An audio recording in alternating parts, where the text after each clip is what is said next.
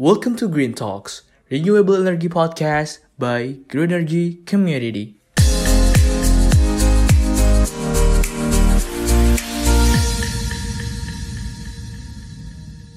Hai Greeners, selamat siang, pagi, sore, atau malam.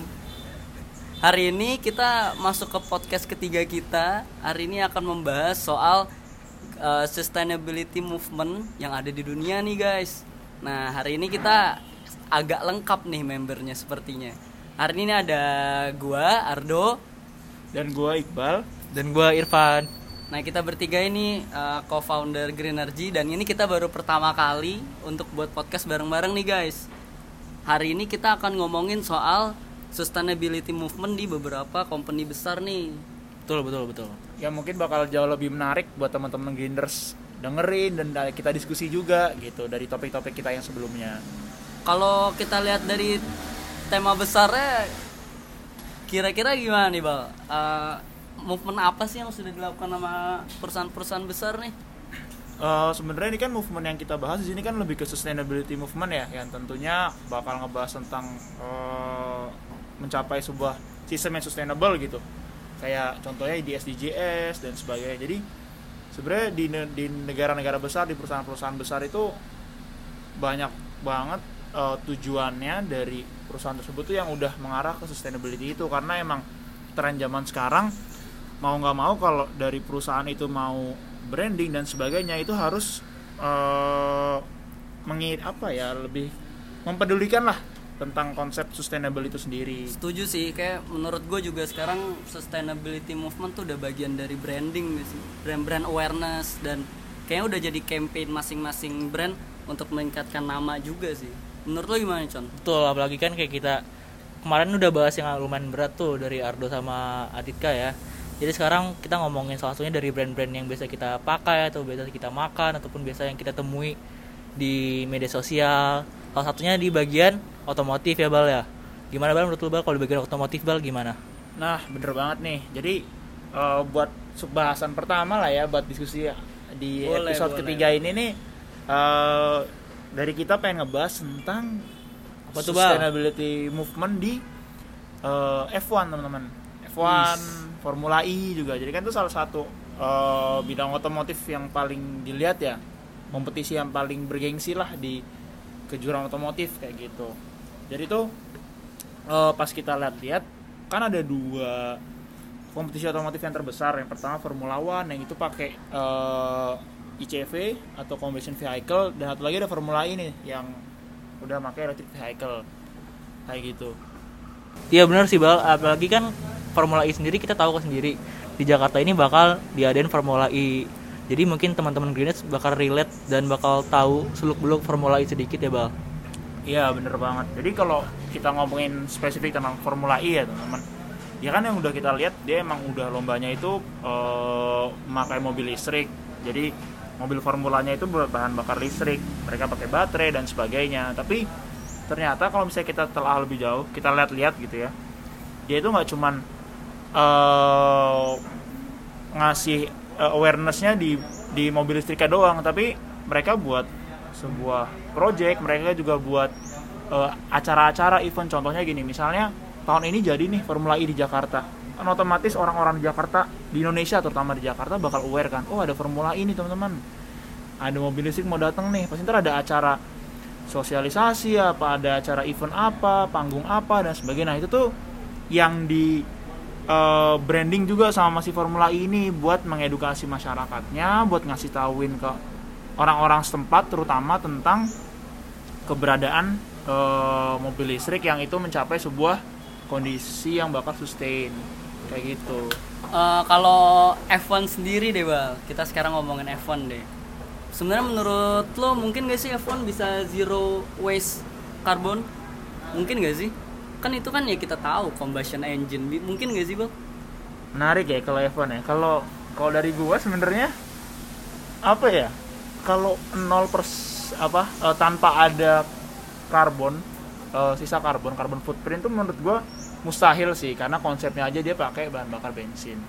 Tapi mungkin sekarang dia juga udah coba buat uh, hybrid ya. Kita lihat dari mesin-mesinnya udah banyak yang hybrid jadi emang mengurangi iya juga. sih betul. Dan kalau yang gue baca-baca dia itu mencapai eh, dia punya strategi sustainable-nya itu lebih ke eh, dari aktivitas kesehariannya. Misalnya mereka itu eh, sekarang punya target buat eh, mereduce semua power electricity power untuk office fasilitas terus sama eh factoriesnya juga. Itu semua mereka ingin mengubah ke 100% renewable. Kalau untuk ini bal kan kita suka baca kita dengar dengar ntar tahun 2022 bakal ada regulasi baru tuh buat F1 tuh. Hmm. kira-kira ada regulasi baru nggak sih untuk engine-nya aja gitu supaya bisa mencapai Oh, kalau soal engine setahu gua dia udah ini sih, udah ganti ke hybrid ya, full ke hybrid. Jadinya emang? Ah, ah, jadi emang udah full biar enggak semerta-merta 100% pakai bensin kayak gitu. Tapi yang gua yang gua eh, highlight di sini, gua baru kemarin banget denger kalau mereka itu eh, mengubah sistem logistiknya gitu. oh itu yang paling besar diubah berarti bukan eh, Mobilnya. race car-nya berarti ya eksternalnya bal ya nah itu kalau kalau itu gimana tuh bang Jadi Soal kan- logistik Nah, jadi kalau eh, logistiknya F1 kan itu salah satu industri yang besar ya di dalam industri F1 Hmm. gitu. Gimana caranya itu eh, race car dan kelengkapan-kelengkapan mobilnya itu bisa dikirim selama satu musim besar itu tuh ke Eropa, ke Asia dan sebagainya karena dulu tuh sebelumnya mereka eh, menggunakan pesawat yang di mana pesawat kan jauh lebih cepat dari segi waktu tapi di lain sisi carbon footprintnya jauh lebih banyak karena mobilitas mereka kan tinggi Nah sekarang mereka itu udah moving ke nama pergerakannya moving to ultra efficient logistic and travel. Jadi mereka itu manfaatkan kapal yang notabene-nya jauh lebih lama dari dari apa namanya eh, durasinya, tapi mereka menekankan untuk mengefisiensi carbon footprint yang keluar. Jadi misalnya mereka eh, race di Asia nih selama satu bulan, mereka sekali pengiriman gitu untuk logistik di, di ketiga negara atau empat negara di Asia. Kayak gitu. Oh kalau itu dari sisi otomotif ya bal ya Ya, menarik sih bal. Menarik Nah, banget sih. Tapi kita bahas agak lebih ke daily daily ya, sedikit. coba di luar kayak misalkan dari ya. makanan ya do ya. Iya, boleh boleh. kan lo sering dulu makan McD ya do ya. Sering sih kalau Iqbal makan makan sehat terus ya do ya? Gimana tuh Con emang kalau buat yang em, McD tadi gimana tuh? Nah, Dok, kalau misalkan ngomongin McD nih, kita kan sering lihat Dok campaign-campaign di banyak restoran kayak misalkan di McD ataupun Starbucks ataupun KFC yang udah mulai aware dengan renewable energy. Tahu nggak sih Dok ternyata di McD di Orlando City di Amerika. Lu pernah ke Amerika nggak Dok? wah sering gua di Orlando sendiri. orang kaya kan Oh, iya Nah, kalau di Orlando sendiri ada do McD yang dapat eh, International Living Future Institute Zero Energy Certification karena di bangunannya penuh dengan solar panel do di kaca atas, di kaca kanan kiri penuh dengan solar panel. Jadi keren banget 100% energinya dari solar panel tersebut do. Terus kalau misalnya lihat itu bukan karena energi listriknya doang, tapi ada misalkan dari pemanas air. Tenaganya dari tenaga surya juga. Jadi eh, pemanas airnya yang kita biasa buat nyuci piring di McD itu udah pakai memanfaatkan energi matahari do. Bukan cuma itu doang, tapi kayak misalkan smart thermostat. Jadi buat mengukur suhu tubuh di dalam ruangan dan menyesuaikan suhunya wih banyak sih dok keran air juga minyak goreng kan bahkan minyak goreng itu berasal dari minyak biodiesel dok. Jadi minyak gorengnya didaur ulang menjadi biodiesel. Ya emang gue juga waktu itu pernah baca-baca sih Con. Katanya apa dari hasil polahan apa minyak itu bisa diolah lagi bisa Dipakai lagi ya? bisa, bisa dipakai lagi bisa dipakai jadi bahkan bisa jadi biodiesel lagi atau dibalik aja gitu. Jadi emang oil buat yang dikonsumsi. Berarti ini ini ya si McDonald's ini udah 100% ya dia di salah satu beberapa cabangnya. Kalau boleh tahu tuh berapa cabang coba banyak banget bal. Hampir 2500 eh, franchise di restoran di Amerika McD itu udah meningkatkan energi renewable ya jadi kalau misalkan Evan lu tadi ngomong-ngomong itu lebih ke eksternal ya bal ya, logistik. Jadi bukan dari racing car sendiri kan? Ya. tapi kalau di McD bahkan sampai lampu jalannya pun udah pakai LED tenaga surya bal. Jadi bukan internalnya lagi tapi udah eksternalnya. Bahkan kayak AC di sana eh, sistem panen air hujan sampai semua hal tuh udah pintar lah bal udah aware banget sama renewable energy gitu. Berarti menurut gua eh, ini ya detail banget ya dan salah satu gerakan yang menurut gue bisa jadi salah satu bahan marketingnya mereka juga nah dan itu juga dia. sebagai apa ya sebagai gerak movement lah yang tadi kita bahas juga kan sesuai topik kita tentang sustainability movement. Emang mereka eh, langsung ke salah beberapa cabang barunya mereka untuk eh, ngedukasi masyarakatnya mungkin gitu Iya, ap- apalagi kan kita eh, udah tahu sendiri ada sertifikasinya kan, ada sertifikatnya. Jadi mungkin brand-brand eh, rivalnya McD kayak misalkan KFC, mungkin dari hal tersebut mereka kayak aware buat trigger tuh trigger banget tuh buat dapetin istilahnya sertifikat itu. Jadi pasti sih udah mulai aware banget sama renewable energy. Itu bagian food.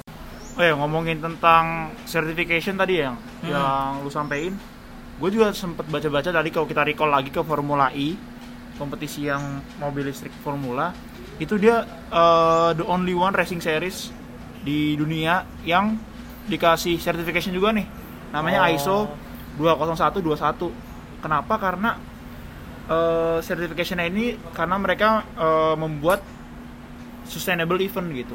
Kenapa dia bilang di sustainable event? Karena Formula itu bukan cuman tentang mereka berlomba racingnya doang. Gitu. Kayak mereka ada charity-nya, mereka ada event-event eh, di negara itu untuk sustainability-nya dan sebagainya. Jadi kayak eh, mereka ada gerakan-gerakan untuk save plastik, terus eh, recycle dan mereka juga ya banyak lah gitu. Jadi jadi yang biasa kita lihat oh Formula E cuma lomba doang, tapi di sini tuh sebenarnya lebih dari itu gitu. tapi emang yang harus diapresiasi juga menurut gua Formula E itu biasanya race hampir semuanya di tengah kota kan bang di, di betul. street race artinya itu juga meningkatkan awareness buat masyarakat bahwa electric vehicle itu sudah bisa dengan teknologi tinggi tidak sesederhana cuman kayak mobil doang race car juga bisa digunakan menggunakan electric vehicle itu harus diapresiasi sih Nah, bener banget itu yang tadi gue bilang. Apa namanya? Mereka itu mungkin ada sebuah kesengajaan juga ya bikin Pasti bikin sih. apa namanya kompetisinya. Marketing lombanya lah ya. iya itu di tengah kota. Contohnya kalau di Jakarta jadi di Monas gitu. Coba Iya. lo bayangin aja misalnya balapan di Monas. Balapan di Monas Pasti, gimana orang nggak ada yang nggak tahu? Iya. Oh ada apa nih mobil listrik lomba? Oh ada event apa nih bla bla bla bla bla gitu kan. Dan di kan di negara-negara lain juga kayak di Baku di di Azerbaijan di Makau. Kan juga dia street race nah itu yang jadinya lebih menyasar marketingnya jauh lebih kena lah ibaratnya dibanding misalnya kita pasti sih bikin kompetisi di Sentul gitu. Mungkin ini orang-orang yang daerah sana atau emang eh, maniak dengan formula baru tahu kan. Iya, Tapi baru kalau di tengah kota siapa sih yang nggak tahu? Iya nggak sih? Iya apalagi abis, no- abis nonton F1 di Monas makannya McD. Wah. Wah. udah sustainable banget Sustainable banget ya. parah emang Oh. kalau kalau habis makan kan harusnya minum tuh con ada nggak sih minuman yang sustainable Pasti nggak ada dong. oh ada Pernah dengar Starbucks nggak dok?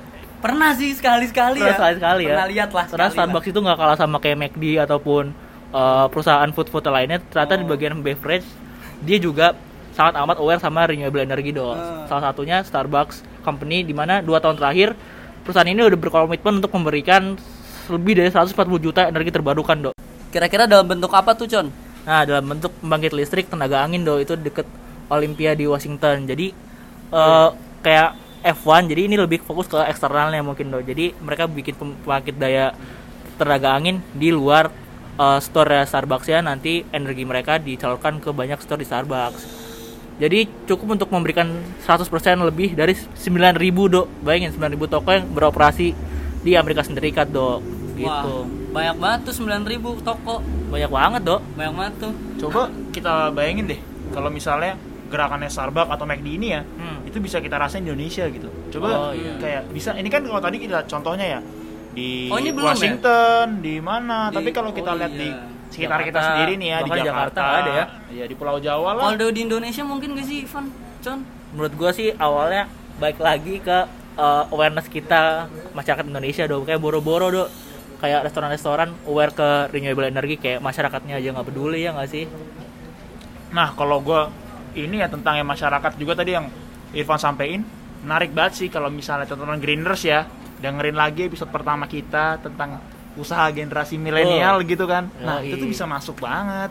bener banget Iya apalagi sih? kita nyampeinnya ya buat teman-teman Greeners bakal lebih aware dan tahu juga ya Bal ya. Hmm, Apalagi kan ini lebih relate nih kita ngomongin McD, kita sering makan McD, kita tahu McD ternyata aware masa kita enggak ya nggak sih? betul banget tuh Sering nonton F1, sering pakai sepatu olahraga, olahraga, ngomongin tentang olahraga, Dok. Lalu ada nggak, Dok? Salah satu bentuk contoh perusahaan olahraga yang ya sangat amat aware dan Hmm, ada ada sih Van ada sih Con apa tuh? Ini eh, pertama ya Nike. Nike itu adalah brand retail paling dan pemasukan paling besar di dunia sekarang. Oke. Berikutnya itu Zara baru Adidas. Nah, untuk Nike sendiri memang mereka sudah eh, switching ke 100% renewable energy pada tahun 2025. Jadi mereka memang sudah membuat target dengan menggunakan renewable energy 100%. Tapi dalam pengaplikasiannya dalam bentuk mereka menggunakan solar panel di pabrik-pabrik mereka. Bahkan pabrik-pabrik di Vietnam, Cina, Indonesia sudah menggunakan teknologi solar panel karena biar bisa mempercepat shifting ke renewable energy. Oh, jadi Nah. Indonesia udah ada, Dok, pabrik di Udah, Indonesia. Di pabrik di Indonesia Di juga mana sudah dong kalau menggunakan di Cikarang apa Karawang ya? Oh iya bener Kar- banget. iya kan? Yang isinya emang pabrik-pabrik retail-retail seperti iya, itu ya. iya emang. Jadi mereka emang sudah nge-reach karena salah satu karena Cina, Vietnam dan Indonesia salah satu produsen Nike paling besar di dunia. Jadi mereka Oh. start dari situ. Makanya Pabriknya ya. makanya kita sering beli produk gitu ada made in Indonesia gitu. Iya, oh, makanya. emang di Indonesia udah punya pabriknya sendiri gitu. Iya emang dan terus juga di di luar itu de, menggunakan solar panel ada seperti manufacture process, fabrication, production itu juga dibuat baru dengan material-material baru kayak Flyknit. Jadi gue baca-baca ada mereka akan membuat Flyknit menggunakan sampah. Jadi di Flyknit di- sampah? di, di Recycle. Bukan. Jadi sampah di recycle, diproses dan di reuse lagi nanti dalam bentuk sepatu dalam bentuk Flyknit. Kalau nggak salah sih seperti itu. Nah, berarti nantinya kita bakal bisa pakai sepatu gitu ya dari sampah yang kita buang gitu maksudnya, Dok. Iya, jadi kita pakai sampah. Oke. Wah, oh, keren banget. Itu Emang. brandnya jadi makin keren Iya. apa makin gimana dok kalau orang beli? Masa gue beli sepatu sampah sih dok? Kan tapi jadi kita ada kayak pride bahwa kita menyumbang Oh. ke ke bumi ini supaya nggak makin parah. Tapi gue yakin sih kalau emang itu tuh tujuannya bisa tercapai nih ya sama Nike, nggak mungkin dong. Misalnya Nike brand sebesar itu mereka menyajikan eh, produk yang eh, ibaratnya recycle seperti itu tapi kurang bisa masuk pasar lah gitu. Menurut gue sih dengan inovasi mereka ini eh, merecycle sampah itu pasti hasil sepatunya bakal jauh di luar apa ya ekspektasi, Ekspektasi kita ya. lah ya bener banget jadi Tapi- kayak tapi- ya menarik lah gitu Sebenarnya bukan cuman soal materialnya doang nih bang. Jadi sebenarnya udah dari dulu Nike itu udah berevolusi dalam bidang material.